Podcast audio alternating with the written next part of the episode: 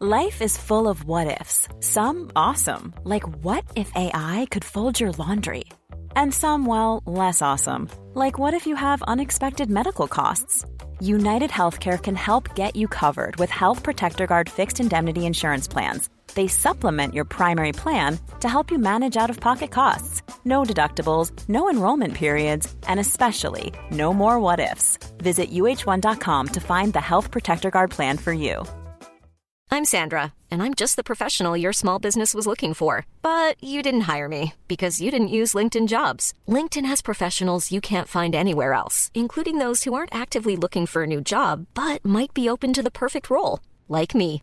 In a given month, over 70% of LinkedIn users don't visit other leading job sites. So if you're not looking on LinkedIn, you'll miss out on great candidates like Sandra. Start hiring professionals like a professional. Post your free job on linkedin.com/people slash people today. Ryan Reynolds here from Mint Mobile. With the price of just about everything going up during inflation, we thought we'd bring our prices down. So to help us, we brought in a reverse auctioneer, which is apparently a thing. Mint Mobile unlimited premium wireless. Ready to get 30, 30, bit to get 30, bit to get 20, 20, 20, bit to get 20, 20, bit to get 15, 15, 15, 15 just 15 bucks a month. So, Give it a try at mintmobile.com slash switch. $45 upfront for three months plus taxes and fees. Promo rate for new customers for limited time. Unlimited more than 40 gigabytes per month. Slows. Full terms at mintmobile.com.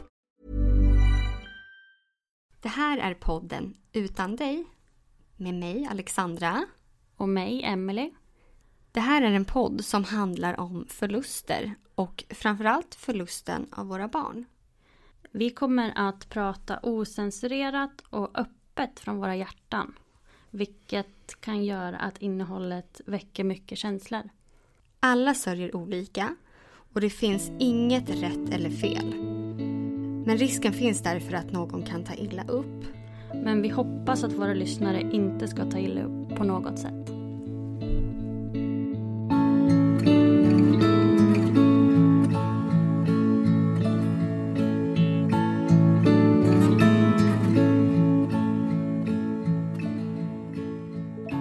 I dagens poddavsnitt så har vi en mormor och en moster med oss. Välkomna! Vi Tack. har mormor Maria och moster Hanna. Och ni är anhöriga till Jenny då som är mamma till Frida. Precis. Jättekul att ni vill vara med här idag. Mm. Tack. Ja, ni kan ju få börja på en gång och berätta lite om Frida och vad som hände och sådär. Mm. Jag är ju syster då, till eh, Jenny och jag är inte bara syster utan jag ser mig också som att vara bästa vän med henne. Eh, vi har ju alltid stått varandra väldigt nära och eh, när Jenny fick sitt första barn så var det ju väldigt liksom givet att jag också fanns där. Eh, hennes barn har väl alltid varit lite mina barn också. Eh, så vi har följts åt och hon är som mamma till mina barn också så. Hon har tre pojkar och så Frida. Det är Anton, Milo och så Frida och sen har Noah kommit nu också. Och det är då Frida som bor i himlen. Och det som är så speciellt med min syster, det är väl att när jag är med henne så känner jag mig hel. Eh, det har alltid varit viktigt att få vara där och vara med henne. Och därför när Frida föddes med sitt hjärtfel så var det en självklarhet för mig att finnas där eh, för henne. Och egentligen började det väl, jag minns väldigt väl när de skulle på ultraljud, det rutinultraljudet, Jenny och hennes man Andreas. Det var jag som var barnvakt då till eh, Anton och Milo och så min dotter Enja. Och eh, så hade jag Love med mig också som föddes i februari samma år. Så han var väldigt liten. Det var en jättefin solig dag. De hoppade i studsmattan och jag satt eh, i en solstol och tittade på dem. Och de åkte och det var väl liksom frid och fröjd och spännande. Eh, så. Sen så började det dra ut så mycket på tiden. Det började bli så här lite konstigt varför de aldrig hörde av sig. Det borde ju liksom, tiden borde ju ha gått klart att de hade varit där. Så liksom den här ångesten börjar krypa upp. Men det här stämmer ju inte. Det är någonting som har hänt. Och då när de kommer tillbaka så berättar de att Frida har ett, eh, ett hjärtfel. Som man inte riktigt kunde säga allvarligheten på. Men de såg att det var ett hjärtfel. Och sen ju, följdes ju Frida väldigt noga i magen fortsättningsvis hela tiden.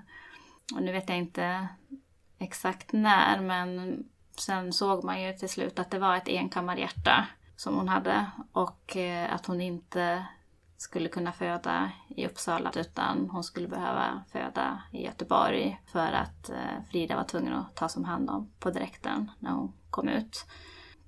Så vi planerade för det och eh, Frida föddes 29 november och två veckor innan skulle Jenny och Andreas åka ner för att eh, vara beredda att finnas på plats.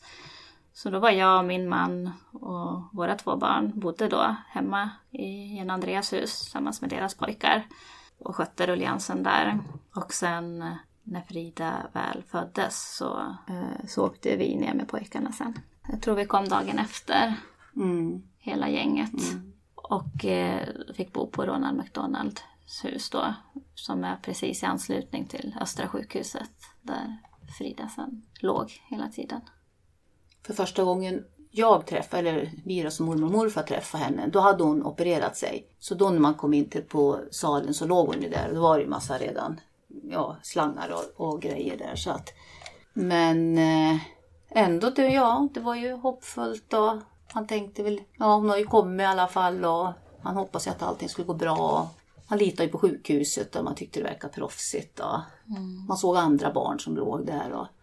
För precis när hon var nyfödd, hon såg ju så frisk och så pigg ut. Alltså det var så ofattbart att hon hade ett hjärta som inte fungerade som det skulle. Och hon började ju amma alltså snabbast av alla Jennys barn. Och Eh, hon var så välmående och alla sa ju att det var en sån stark tjej det här. Det här skulle ju fixa sig. Det här skulle ju gå bra liksom. Och det trodde ju, trodde vi mm. också mm. naturligtvis. Mm. Eller det har vi, trodde man ju ända till dagen det inte gick längre. Mm. Men hade läkarna sagt att man förmodligen kunde operera hjärtat eller mm. leva mm. med det? Eller? Mm. Det fanns ju en väldigt tydlig plan på allting. Eh, de skulle genomgå tre, om allting liksom hade flyttat på så hade det ju varit tre operationer. Först nu den första när hon var bara några dagar gammal för att göra något ingrepp. Och sen Sen skulle det vara en till vid... Sen skulle det vara en till när man för då opererade man in en shunt för att föra blodet en annan väg och sen till när man plockade bort den. Mm. Och sen en tredje vid tre års ålder någonting. Så det, fanns, det finns ju ett program för de här enkammarhjärtarna hur det ska opereras och hur det ska gå till. Och sen vet man väl inte hur länge man kan leva med det. Mm. Den äldsta, ja, kommer inte ihåg om hon är runt 20-30 år. Men det är, väl, det är väl den första som de transplanterar va? Ja, så kanske det var. Ja. För i sista hand, så, så det fick vi höra under tiden då också, mm. så är det ju hjärttransplantation som skulle behövt lagts till mm. sen då. Mm. Men det var ändå hoppfullt. Ja, jo, ja, men det, det var det. det. Mm. Och vi träffade ju andra barn på Ronald McDonalds hus som hade genomgått de här operationerna och var kanske på sin sista. Och det finns ju en, en liten pojke också som min syster känner väldigt väl och hennes mamma som har klarat operationerna också. Så, så att eh, det fanns ju, alltså det var ju ändå, det var ett jätteallvarligt hjärtfel eller det svåraste hjärtfelet nästan man kan ha men ändå en hoppfull prognos liksom. Men sen var det ju då att Frida fick de här komplikationerna med en propp i sjunten. Man fick återuppliva henne eller mm. starta hjärt och lungräddning. Och där tror man väl att det blev en skada på en av hjärtklaffarna och att eh, då handpumpade man hjärtat mm. tills det började pumpa av sig själv igen. För hon låg ju redan öppen med öppet sternum för man hade, man hade inte hunnit sluta det än efter första operationen. Och sen efter det så var det väl olika komplikationer som tillstötte med jämna mellanrum. Mm. Mm. Man kunde aldrig riktigt pusta ut. Det var liksom alltid någonting som var bekymmersamt. Mm. Så Frida fick vara där på sjukhuset? Mm. Mm. Var ni med mycket där? Jag var ju med jättemycket. Mm. Jag var ju mammaledig då med mitt yngsta barn. Och kunde ju vara där mycket, jag ville vara där mycket. Och hade väl med mig mitt äldsta barn också en hel del. Jag tyckte det var jätteskönt att vara där nere. Det blev, vi blev ju som en, vi blev både som en stor familj men också som ett team som, ja men jag vet inte, som bara jobbar mot målet på något sätt. Eller något så här, jag vet inte, man går på en autopilot. Och någon var ju alltid hos Frida och sen någon hemma med alla barnen. Och så liksom växla om sådär och åt i skift. Och jag tyckte det var skönt att vara där för att man fick också liksom lite kontroll på situationen. Och vara med i allt. Och när man ändå går och är så orolig så är det svårt att vara hemma och sköta en vardag. Det är bättre att vara i den här äh, bubblan som man hamnar i. Sen slet jag ju väldigt mycket mellan min familj och min systers familj. Det gick ju väldigt bra i början men sen när ändå tiden gick och var kvar där och jag hade lite press från jobbet att jag skulle börja jobba igen så, så var det ibland ganska svårt att veta var jag skulle befinna mig någonstans. Också för att eh, ja, min man behövde väl mig också hemma så. Eh, mm. Och barnen och... Hade man fått veta hur länge ungefär de skulle ha fått stanna i Göteborg? Ja men första var ju att vi skulle, att de skulle, att vi skulle kunna komma hem till jul. Mm. Det var ju det var... första målet, mm. att de skulle komma hem med Frida till jul och vi skulle fira jul i Uppsala. Men sen förstod vi att det skulle det ju inte bli. Så då firade vi ju alla jul där mm. nere. Då kom ju ni också ner. Mm, det gjorde vi. Och just då på julafton så blev det ju... Då började också. de ju misstanke om att Fridas... De misstänkte att Fridas tarmar hade perforerat. Eller de var bekymrade över det. Så just på julafton var de ju tvungna att öppna upp henne och titta på... Buken också. Buken också. Det blev ju väldigt många extra operationer mot att det skulle varit en. Och sen just att eh, ja, hon behövde någon specialmjölk eller näring för att ta upp det hon behövde. Och när man pratar om det förstår man ju hur otroligt sjuk hon var. Men när man är mitt i det så ser, såg man ju inte det. Kommer ihåg liksom när jag träffade Frida första gången och det var så mycket slangar hit och det. Man reflekterar nästan inte över det. Sen när man tittar på kort i efterhand så förstår man ju liksom mm. Mm. hur dålig hon var. Mm. Och trots allt det här som att hon var ju en, en bebis och hon började ju le och sådär. Och, mm. och när jag var där med Jenny också så fick hon, då var det väl en lördag, då skulle hon få lite lördagsgodis. Hon sprutade in lite sockervatten i munnen på henne. Åh, hon låg och mängtade och tyckte det var så gott. Och, så precis, ja, fast, och som Hanna säger, fast hon var så, hade slangar överallt. Så att hon var väldigt, en riktig kämpe säger jag att hon, jag tycker hon var en otrolig liten kämpe. Ja, verkligen. Det tyckte ja. vi ju alla. Ja. Liksom. Och ja. stora pigga ögon när hon liksom vaknade och tittade upp. Och... Man fick ju kontakt med henne. Ja, gud ja. Tyckte ni att det var läskigt att typ hålla i henne och så med alla slangar? Lite tyckte väl jag det, men, men när de väl la henne där och sånt där, hon låg i min famn kommer jag ihåg, då tänkte man ju inte på dem. Man fick ju, de hjälpte ju en och sånt där. Men då, man vågade ju inte röra sig så mycket men det var ju känslan i alla fall att få hålla henne och var ju så himla fin. Ja men verkligen. Söt. Ehm, det var ju mycket att hålla i henne. Ja. Det var ju otroligt mycket slangar som skulle liksom... Ett helt företag liksom. Jag höll i Frida en gång och då satt jag med henne i en fåtölj under en längre tid. Och då vet jag ändå att hon, hon var så pigg när hon tittade upp. Vi kallade henne för storöga. Ja. upp och jättenyfiken. Otroligt nyfiken. så tvn stod på där och började låta lite. Så här, liksom hon, hon vill också liksom upp och titta liksom ja. runt sig. Så hon blev ju liksom känd på avdelningen också. Ja, och lika den mobilen hon hade var ju mm. väldigt intresserad av också. Mm. Som spelade och snurrade runt, runt och hon låg där och tittade på den. Och... Ja, så... ja, hon, var, hon var nyfiken. Ja, det var ju som, det är som en vanlig bebis fast, eh, fast mm. i slangar på en intensivvårdsavdelning. Liksom. Ja. Men nu blir jag lite arbetsskadad också för jag jobbar inom vården. Men de där man såg ju inte till slut de här slangarna riktigt. Så man ser ju inte det. Hon hade ju sond och sånt matades. Så. Mm. Det är så konstigt. Man ser, mm. eller det är bra också, man ser personen bakom. Och, och sen var hon ju hela tiden uppkopplad till monitor. 24 mm. timmar om dygnet. Riktigt övervakad liksom.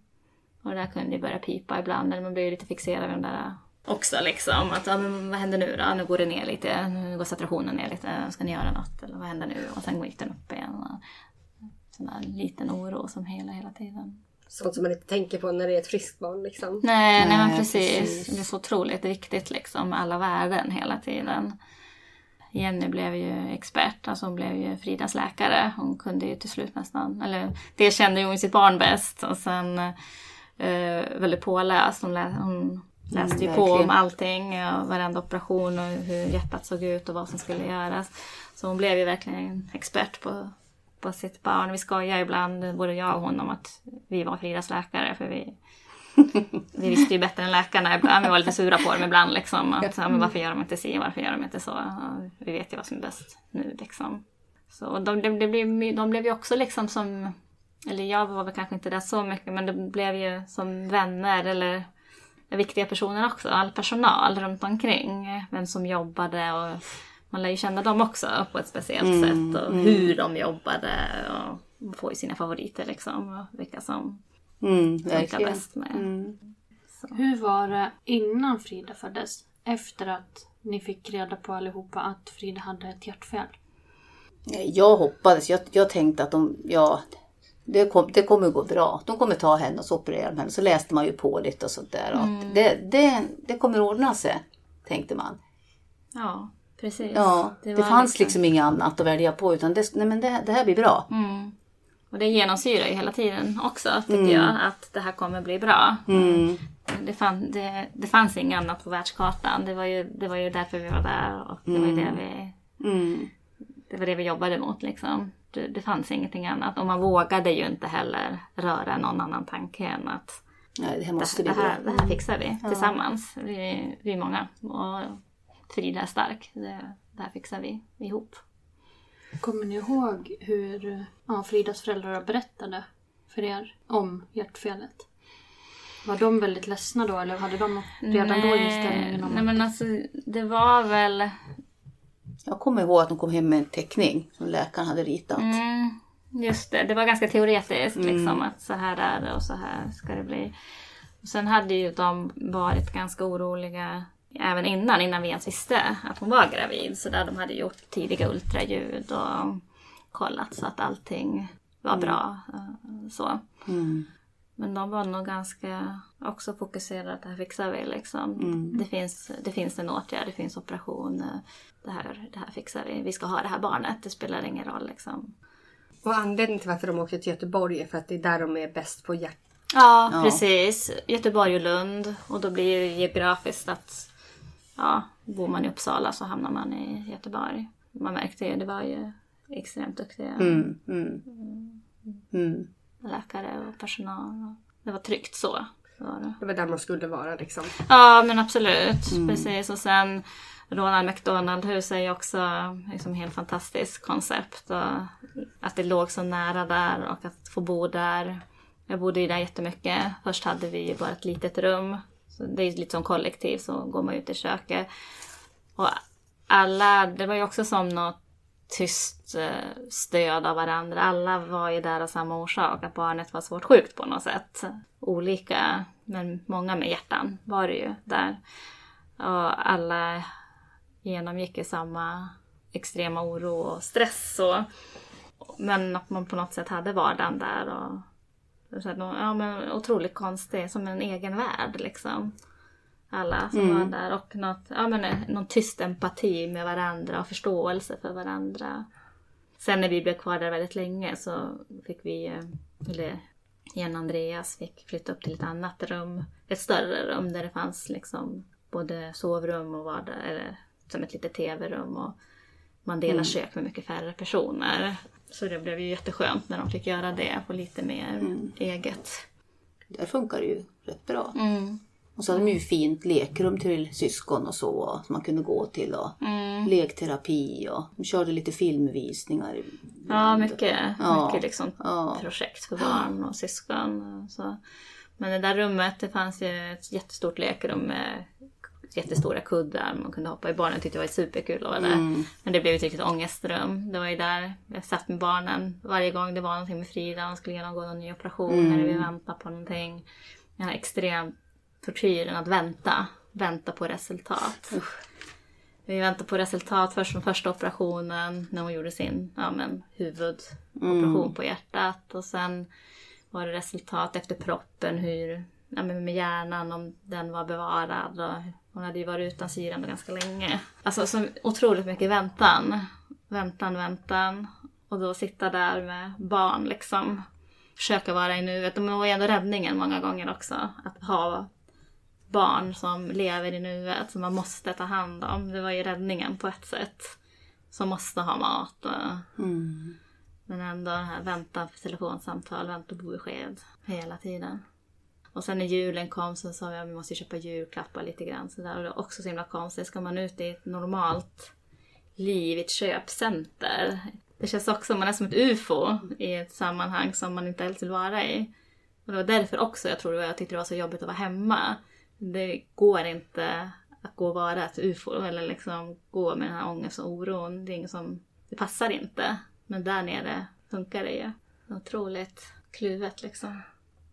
Och hur länge var det du var där nere? Alltså jag var där i flera omgångar, ganska mycket så. Eh, Mm, det var det verkligen. Det blev väl eh, så mycket att eh, ja, men till slut så visste jag varken in eller ut vart jag skulle vara. Jag, behövde, jag ville vara på båda ställen. och Behövdes på båda ställen. Mm. Ni började reagera lite på det. Mm. Tyckte jag skulle vara hemma. Mm. Min man Jonas undrar väl också liksom när, när ska du vara här med? Eller du har egna barn också som du ska ta hand om liksom. Nej, det, det var viktigt och skönt att vara där. Och, och nu är jag jätteglad att jag fick all den eh, tiden med Frida. Jag kan ju aldrig jämföra mig med Jenny men jag har ju ändå alltid känt också att hon är mitt barn Mm. också. Vill ni berätta vad som hände sen? Ja, men Frida började ju må lite bättre. Hon eh, blev ju av med den ena slangen efter den andra. Min mammaledighet började ta slut och eh, jag har ju haft världens bästa chef. Alltså jag sa ju så många gånger att jag skulle komma tillbaka och jobba och sen skrev jag nej, jag kommer inte. Jag kan inte komma nu, jag kan inte komma nu. Och hon frågade aldrig när, när kommer du egentligen? Utan hon accepterade det och, och sa ingenting om det egentligen. Och det var ett jättestort stöd att hon inte ens ifrågasatte det. Men sen, eh, sen var det väl att jag ändå skulle åka hem och börja jobba. Andreas åkte med de äldsta pojkarna som hade fått vattkoppor till Skåne till sina föräldrar. Och du åkte ner. Då, kom jag, ja, då åkte jag ner för att vara där. Jenny får väl inte vara ensam. Och då, ja, då hade vi ju, vi hade jätte, jag hade ju egentligen ganska fina dagar där. Jag var med mycket på sjukhuset och fick lära känna Frida mycket mer och, och sådär. Och, ja, och som sagt hon var ju, vart ju lite piggare och de satte på henne hennes egna bodysar och som vilken liten bebis som helst och fick halvsitta upp och titta och, och nyfiket och kaxigt och titta runt och, och var ju så himla, himla god liksom. Och då eh, sista dagen vi var där hos, eller när, när vi var hos henne där då, så då var hon ju så pass pigg så då skulle de ta, lägga henne i en liggvagn så skulle hon få ut och åka vagn i korridoren. Och eh, hon skrek och så det var ju inget bekvämt för henne och med slangar och med droppställningar och det var hela alltet var ju med och sånt där men ändå känslan att få se henne ligga i vagnen och så och så sen ja, komma tillbaks in och, och när hon kom till sängen där igen så då, ja men då lugnade hon ju ner sig lite och så att då var hon, väl, då var hon rätt pigg faktiskt. Så att på kvällen då så sa de åt oss, de som jobbade, att nu gå hem nu och koppla av. För nu är hon ju så pigg. Och hon var verkligen det. Och då hade vi redan stått och pratat om också att hon skulle komma, kanske bli så pigg som hon skulle kunna komma ner till sal. För hon, hon låg ju på intensiven här. Och då kom jag och Jenny läkaren, ja men om hon skulle pigga på sig så här nu, skulle man kunna flytta henne till Uppsala, till Akademiska? Ja, alltså läkaren, det har vi väl aldrig provat för, sa han sådär. Så gick man ju hem och fantiserade med tänk om det går fort nu alltså, och så jag kanske kommer hem sen får komma upp till Uppsala i alla fall så alla är nära och så. Men sen på natten mot morgonsidan då ringde det på telefon. Och då hörde jag Jenny svara, hon svarade på första signalen och då bara skrek hon att vi, vi måste springa till sjukhuset, de håller på med livräddning på Frida. Så vi var väl där på ja, inom 5-10 minuter. Vi fick springa genom akuten kommer jag ihåg också för att komma upp. Och när vi kom upp i korridoren då, då var det ju fullt pådrag i hennes rum. Det var, dörrarna stod på vid gavel och det var massor med läkare och det var mycket personal där och så. Så då gick vi, vi tänkte ju gå in då men då kommer en, jag tror, jag tror hon var läkare, en kvinnlig läkare och sa åt oss att eh, nej vänta lite, ni vill, ni vill nog inte se henne just nu sa hon, så här, men, vi, men vi, vi kommer ut med henne. Och då berättar de att, hon, att de inte hade klarat henne. Och det, det dröjde, ja, det dröjde nog ganska länge innan, innan i alla fall jag förstod vad som hade hänt eller att det var verkligen sant.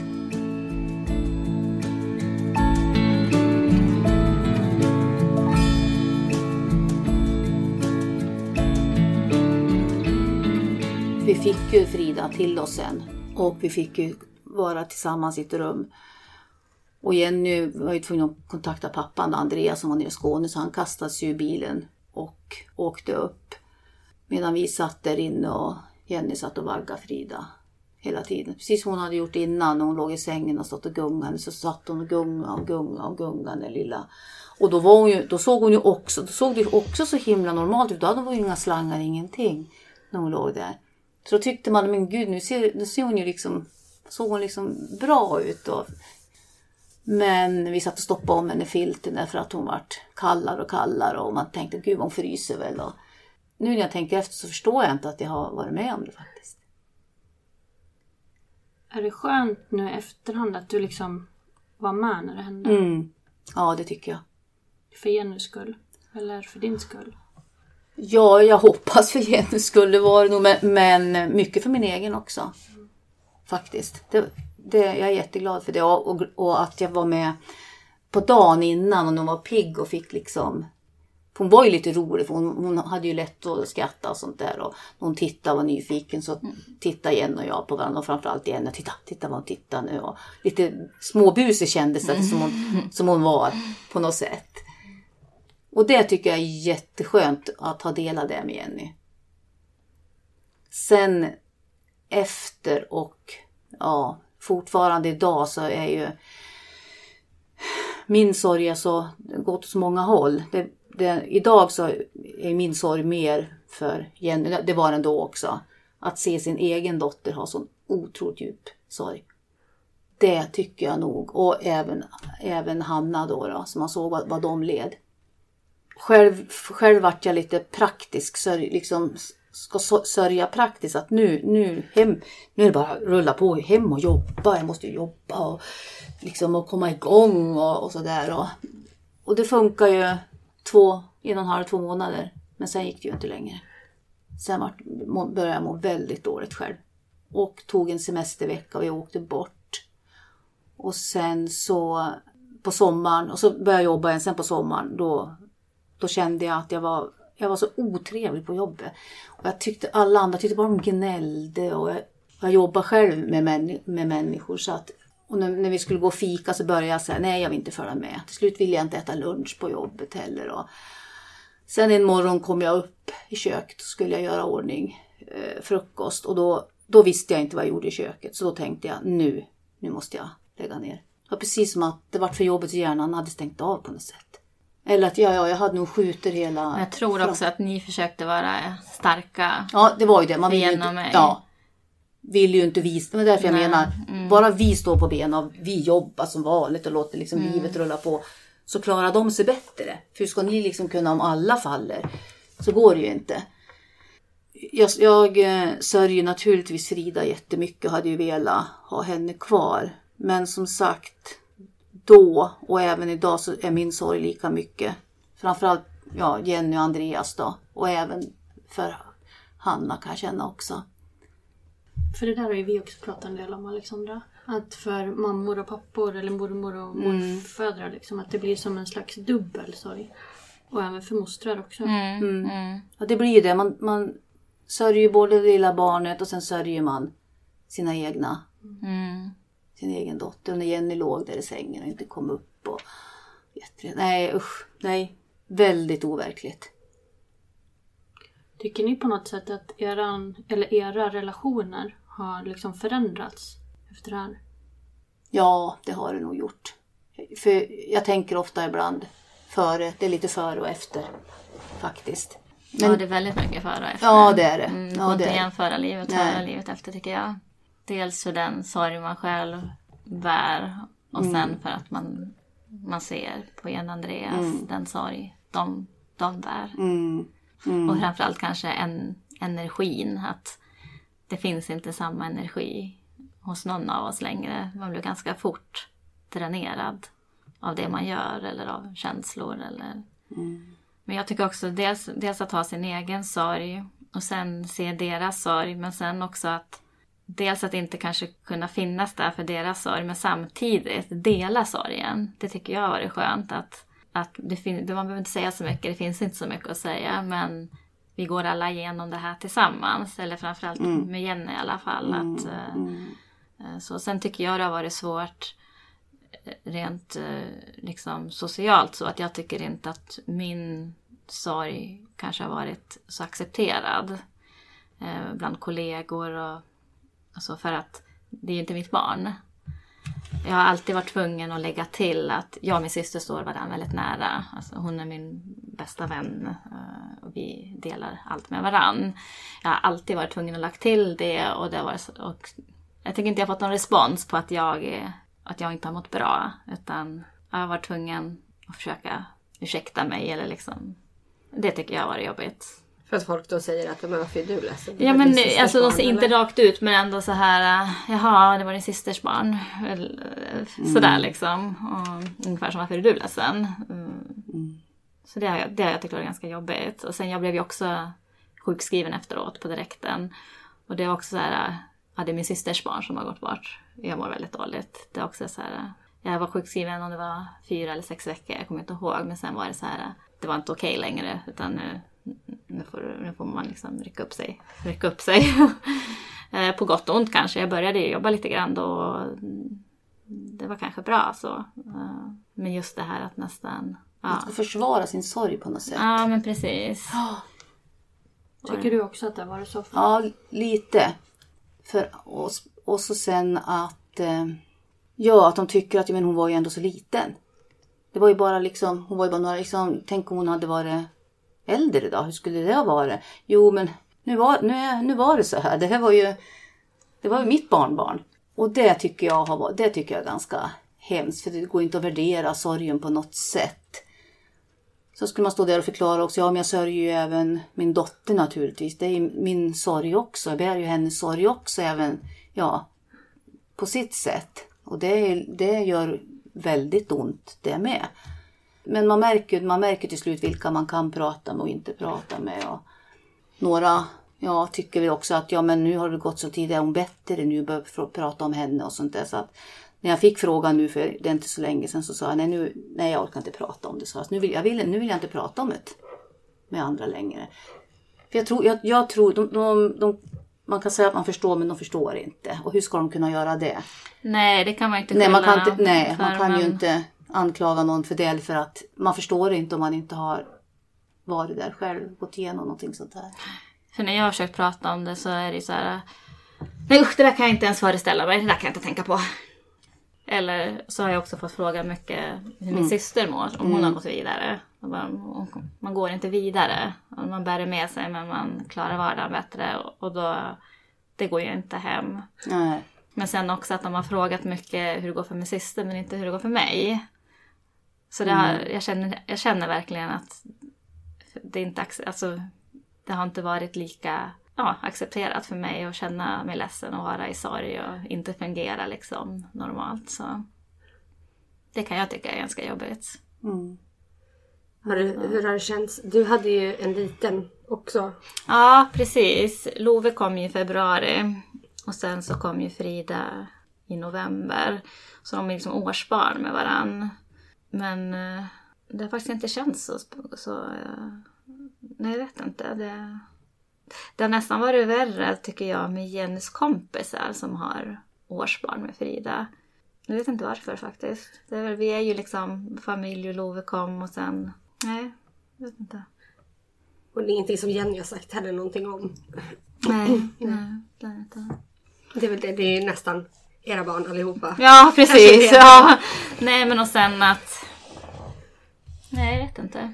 Det är I sådana fall mer liksom att de skulle varit årsbarn. Så, men eh, sen har vi inte pratat så mycket mer så om det. Men vi har ju Frida mycket med oss. Absolut. Ja, kort och kort hemma hos dem och jag har kort hemma. Jag säger godnatt till henne och tittar på henne när jag vaknar. Och det är ju, jag säger, det är ju liksom min ängel. Jag vill ju tro, bara för att det ska bli lättare, att hon vet hur vi har det här om man pratar med henne. Och så där ibland. Och speciellt när man hälsar på henne på graven och så, så. Så tror jag att hon hör och Jenny säger att hon hör. Så att jag blir så glad när hon säger det. Har det, var det lätt att liksom prata om Frida och allt som har hänt och vad man vill göra nu för Frida och så? Alltså vill alla alltid prata om det? Nej, det är nog mest du och jag och Jenny va? Jenny har ju alltid varit väldigt öppen Mm. och hon vill ju att vi ska prata om Frida. Frida finns alltid med i sammanhanget. Eh, Lilla Noah nu då, som har, är lite drygt ett år, eh, tittar ju, hon har ju porträtt på alla fyra barn, eh, typ liknande svartvita. Eh, tittar ju också och säger att Frida är där. Alltså det är ju, det är ju väldigt, det är väldigt viktigt. Och det gör ju, Jenny har ju öppnat upp på ett sätt som gör att det är ju lätt inom familjen att eh, prata om henne. Men det är väl inom familjen? Ja, inte. ja jo absolut. Mm. Fast jag tycker det är lättast när man är själv med Jenny och pratar om Frida. Mm. Ja, även när du är med, men inte när så många runt omkring. Jag vet Nej. inte varför. Jag Nej. vet inte om jag känner respekt mot henne, att jag är rädd att man skulle blotta henne på något sätt. Hon kanske inte vill prata om henne just nu. Men det tror jag att hon vill. För hon vill ju Mm. att, att hon ska vara inkluderad hela tiden. Och, och det är hon. Ja, verkligen. Verkligen. Vi firar ju hennes födelsedag och har ju minnesstund på dagen när hon gick bort. Och... Mm, Jo, hon finns ju med. mm, Verkligen. mm. Brukar ni göra något speciellt då? Ja, men när hon fyller år, den 29 november, då, då, brukar, då brukar vi baka, liksom julbaka med pepparkakor och lussebullar och så. Och sen gå till henne. Och middag på kvällen brukar ju Jan Andreas Mm, mm. ordna. Mm. när hon fyller. De brukar ha sån heliumballong med ålder och siffra och ja, men som en födelsedag.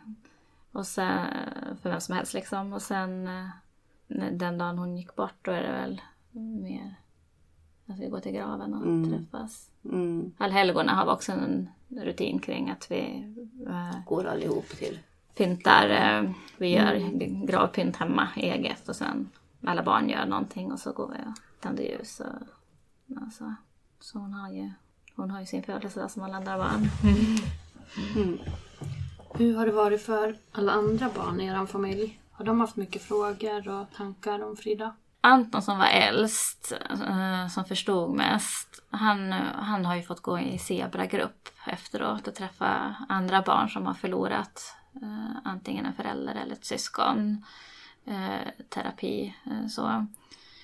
Milo var ju så pass liten så där trodde de väl inte, alltså det fanns inget direkt för honom då att uh, göra. Men där vet jag att de har ju sagt att det kan ju komma långt efteråt, att man ska vara vaksam på vissa uh, beteenden och så, att uh, haffa upp honom när det är någonting. Och Love var ju jätteliten och Enya, alltså det är ju alltså det är så konstigt för döden, man pratar ju om döden på ett sätt som man aldrig skulle gjort annars. Så, så vi har ju pratat mycket om det och alltså, det är ju inte längre givet att äldst dör först. Så jag vet att Enya hade ju mycket funderingar kring det en lång period liksom och reflektera över det. Ja men mamma, bara för att du, du är äldre än mig så betyder inte det att du kommer dö före. Men jag hoppas att ni, ja, jag hoppas att ni dör före mig. Eller alltså väldigt mycket tankar kring döden som jag inte tror att barn som i familjer där det inte har hänt, jag tror inte reflekterar på det sättet. Otroligt mycket ja, men kloka reflektioner, mycket frågor. Och att våga prata öppet om det. Så, men också jag var noga med att berätta att Frida var väldigt sjuk. För det var ju också lite sådär rädsla att, ja, men ska jag dö nu? Nej men du har ju ett friskt hjärta. Mm, Du kommer inte dö nu. Men, Har ni eller ja, dina barn då, fått något erbjudande om samtalsstöd? nej, nej. Inte mormor heller? Nej. Mm. Är det någonting som ni hade velat haft tror ni? Alltså jag gick eh, redan innan och, eh, och fick samtal. Så jag... eh, Det följde sig naturligt att det, det, samtalet gick in på det här istället. Eh, Så, och det har varit jätteskönt, tycker jag. Ja, jag vet inte. Kanske då på sommaren där när man var sjukskriven och, och man hade fått prata med en opartisk. Jag vet inte. Men ändå tycker jag man kunde prata så mycket med varann. Och, jag, sen- vet, jag vet inte. Men sen, eh, min man förlorade ju sin eh, stora syster eh, 2012. Så, Alltså fyra år tidigare.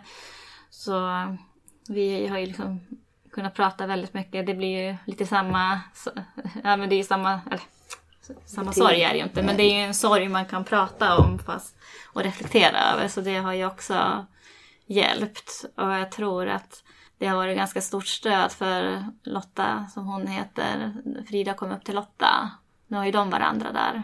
Mm. Eller jag har kunnat vila lite i det. Och, och att Jonas har förstått mig. Att även när jag inte känner att någon annan har förstått mig så har han förstått mig. Att det är okej okay att, att inte liksom fungera normalt. Att vara mm. ganska, man blir ganska disträ, man blir frånvarande liksom och lite annorlunda. Så det tycker jag är skönt och sen nu så här när du, efter några år det sitter ju liksom inte alltid i tanken men det sitter ju i kroppen. Och just den här perioden när Frida var på sjukhuset är ju för mig tyngst. Eh, eller i kroppen känns det tyngst. Alltså den årstiden typ? Eller? Ja precis. Som nu är det ju som allra värst.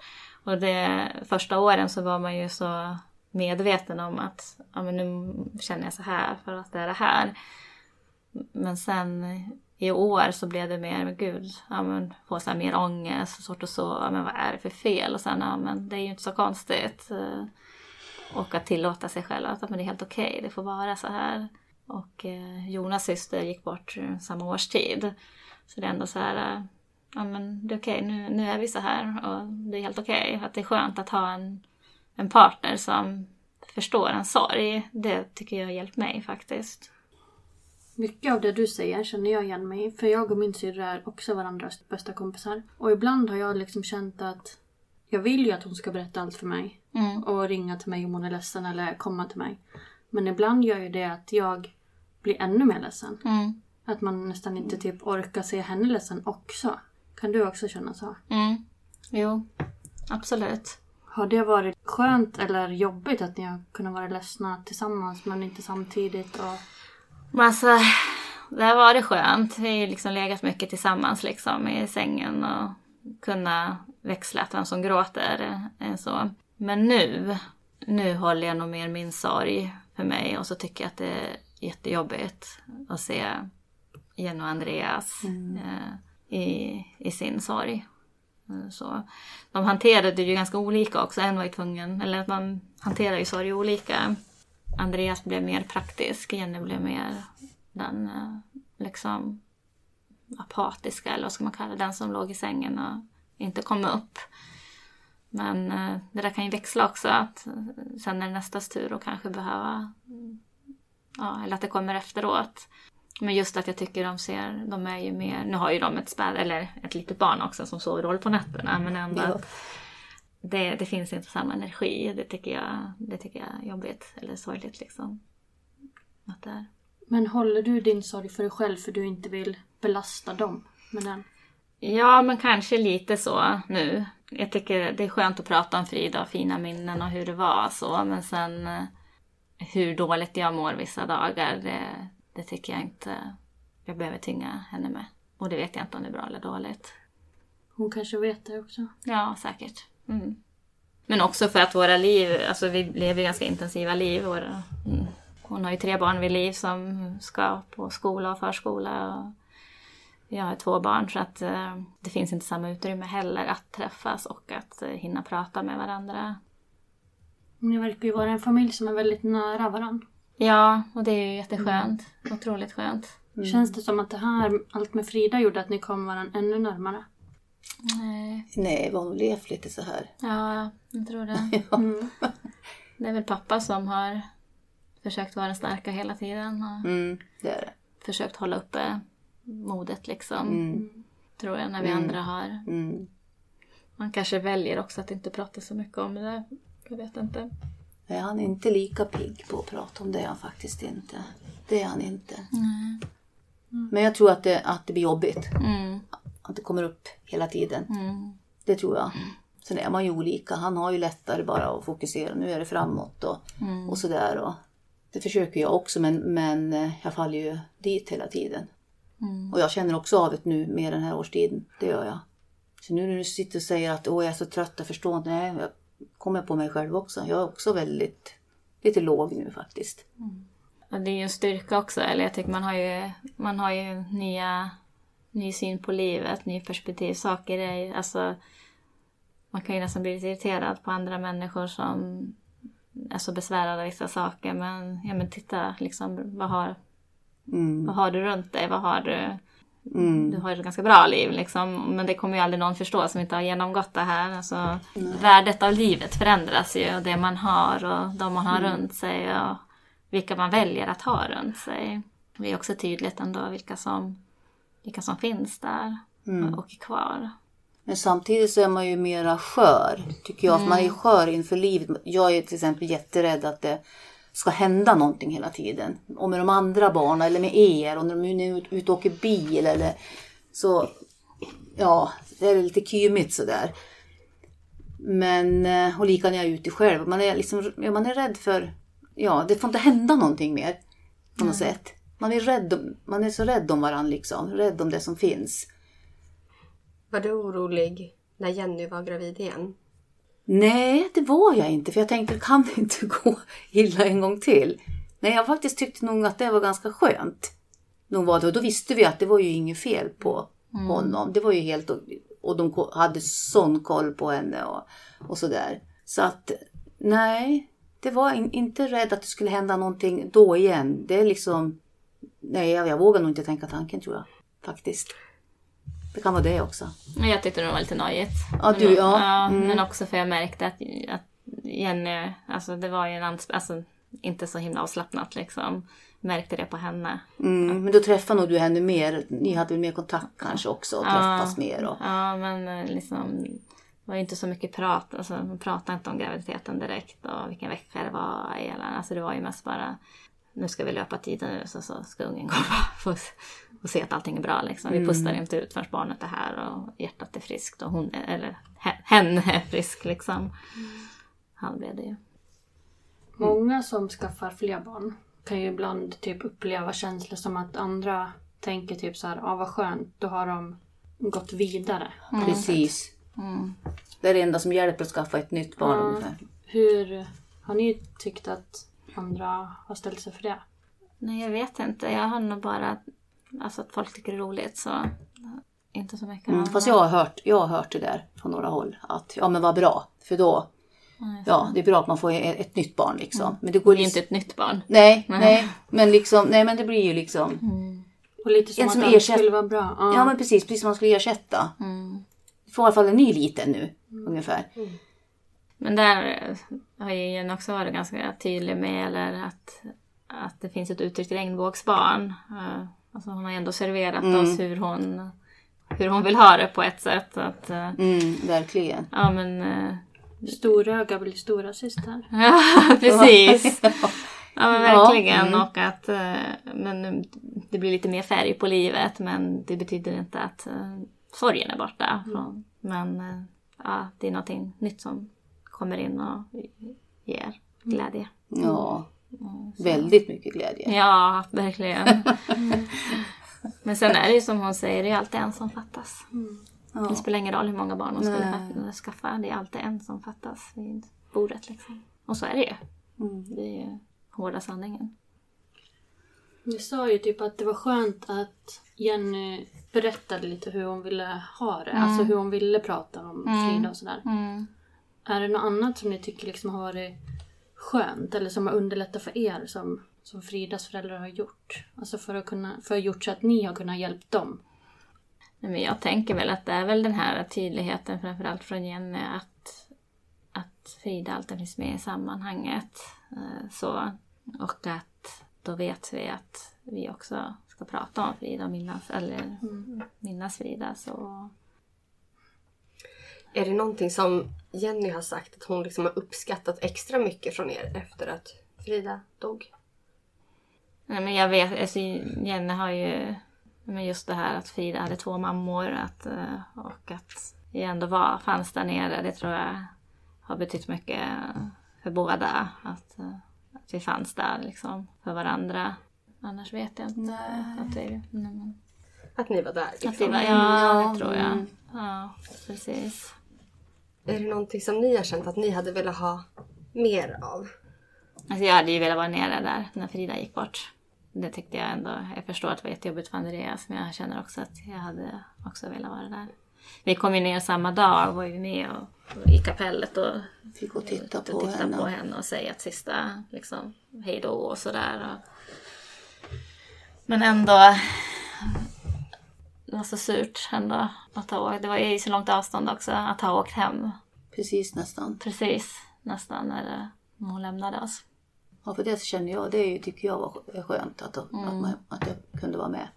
Och samtidigt kan jag ju glädjas åt det. Att ni tyckte ju att ni hade så fina dagar där på Ja. slutet. Och att det var du och Jenny. Att det var ni som fick eh, rå om varandra lite Mm, då. precis. Ja, ja det, var, det var ju fina dagar. Plus att vi vart, var ju så, glada, vi vart ju så glada. Och upprymda när hon liksom var så där pigg och... Har ni några tips till andra mormor eller mostrar?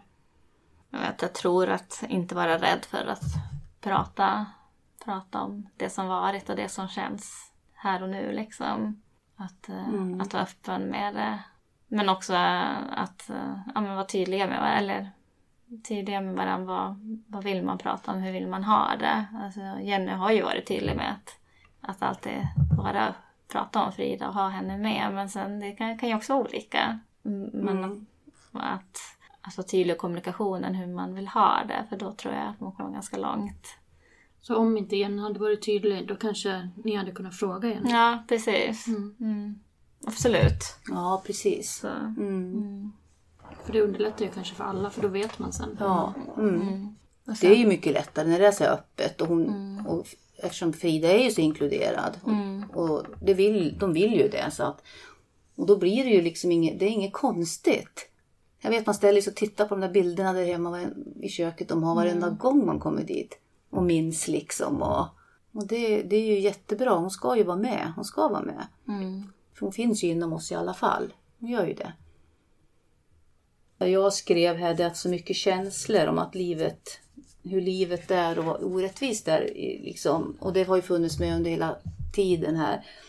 Men jag skriver här att jag har gjort Frida till en liten ängel och jag vill tro att hon lever med oss. Det kommer få vara så och det känns fint tycker jag.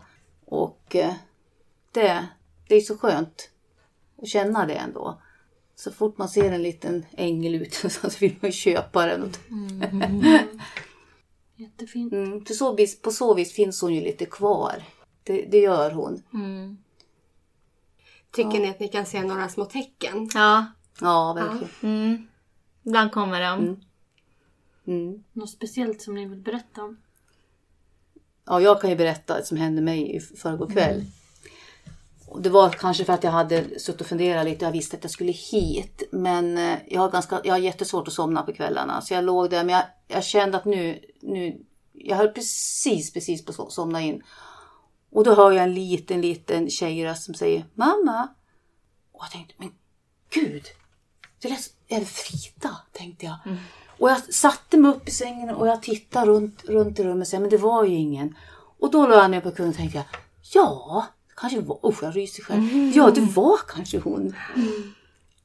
Och då är det ju den här lilla ängeln kanske ändå. Mm. Jättekonstigt. Jag tycker det brukar vara små tecken ibland. Det kan vara som någon gång när jag var hos Frida eh, på, på kyrkogården. Och så står jag där och det är mulen dag. Men så helt plötsligt så kommer solen och bara lyser på stenen. Då är, det, då är hon ju där verkligen. Och Då, då är ju hon där med mig och visar att hon, hon ser mig där jag är. Och varje gång det blir någonting så är det ju så himla härligt att få skriva till Jenny liksom att nu har, nu har Frida varit här igen liksom. Och, eller ja men det kan ju vara så, nu kommer jag inte på någonting men det är just sådana små grejer bara. När man, när man förstår att ja, men nu, nu är hon här. Nu var det någonting som hon ville säga. Ville liksom. Mm, hon ville göra sig, få lite uppmärksamhet eller säga någonting.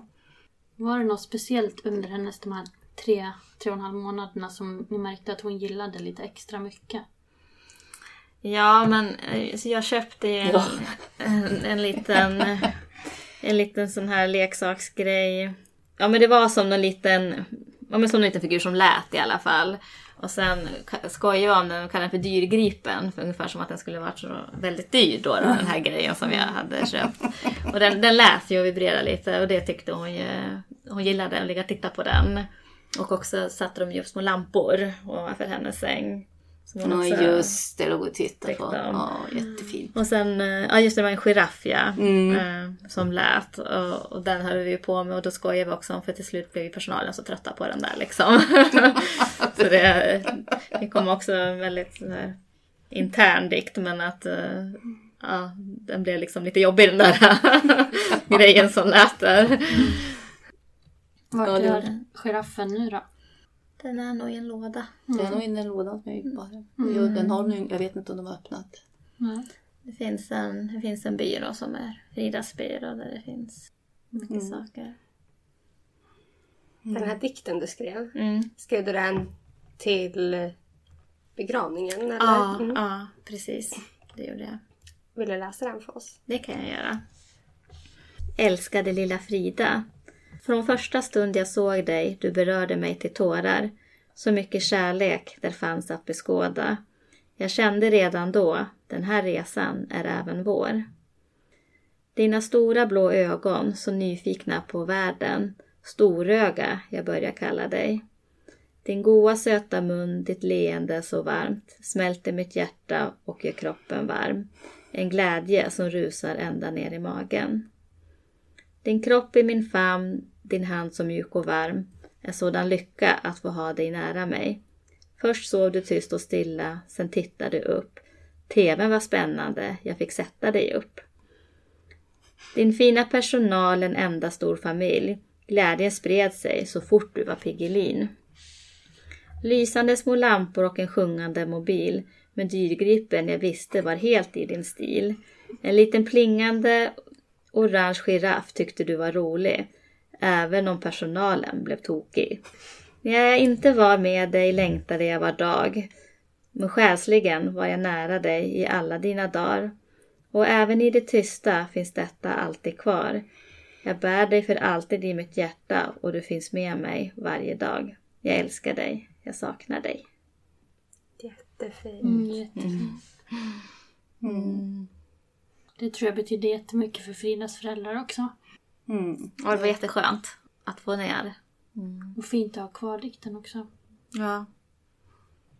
Då vill vi tacka jättemycket för att ni kom hit idag. Tack för att vi fick komma. Ja, tusen tack. Och så får ni hälsa mamma Jenny också från oss. Absolut. Det ska vi göra. Mm.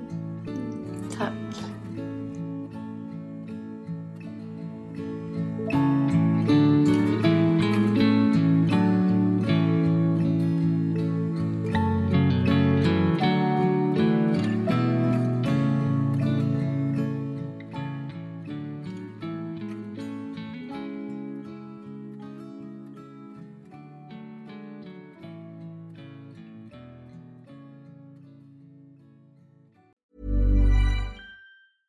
Mom deserves the best, and there's no better place to shop for Mother's Day than Whole Foods Market. They're your destination for unbeatable savings, from premium gifts to show-stopping flowers and irresistible desserts. Start by saving 33% with Prime on all body care and candles. Then get a 15-stem bunch of tulips for just $9.99 each with Prime. Round out Mom's menu with festive rosé, irresistible berry chantilly cake, and more special treats. Come celebrate Mother's Day at Whole Foods Market. Imagine the softest sheets you've ever felt. Now imagine them getting even softer over time. That's what you'll feel with Bowl and Branch's organic cotton sheets. In a recent customer survey, 96% replied that Bowl and Branch sheets get softer with every wash. Start getting your best night's sleep in these sheets that get softer and softer for years to come. Try their sheets with a 30-night guarantee. Plus, get 15% off your first order at bowlandbranch.com. Code BUTTERY. Exclusions apply. See site for details.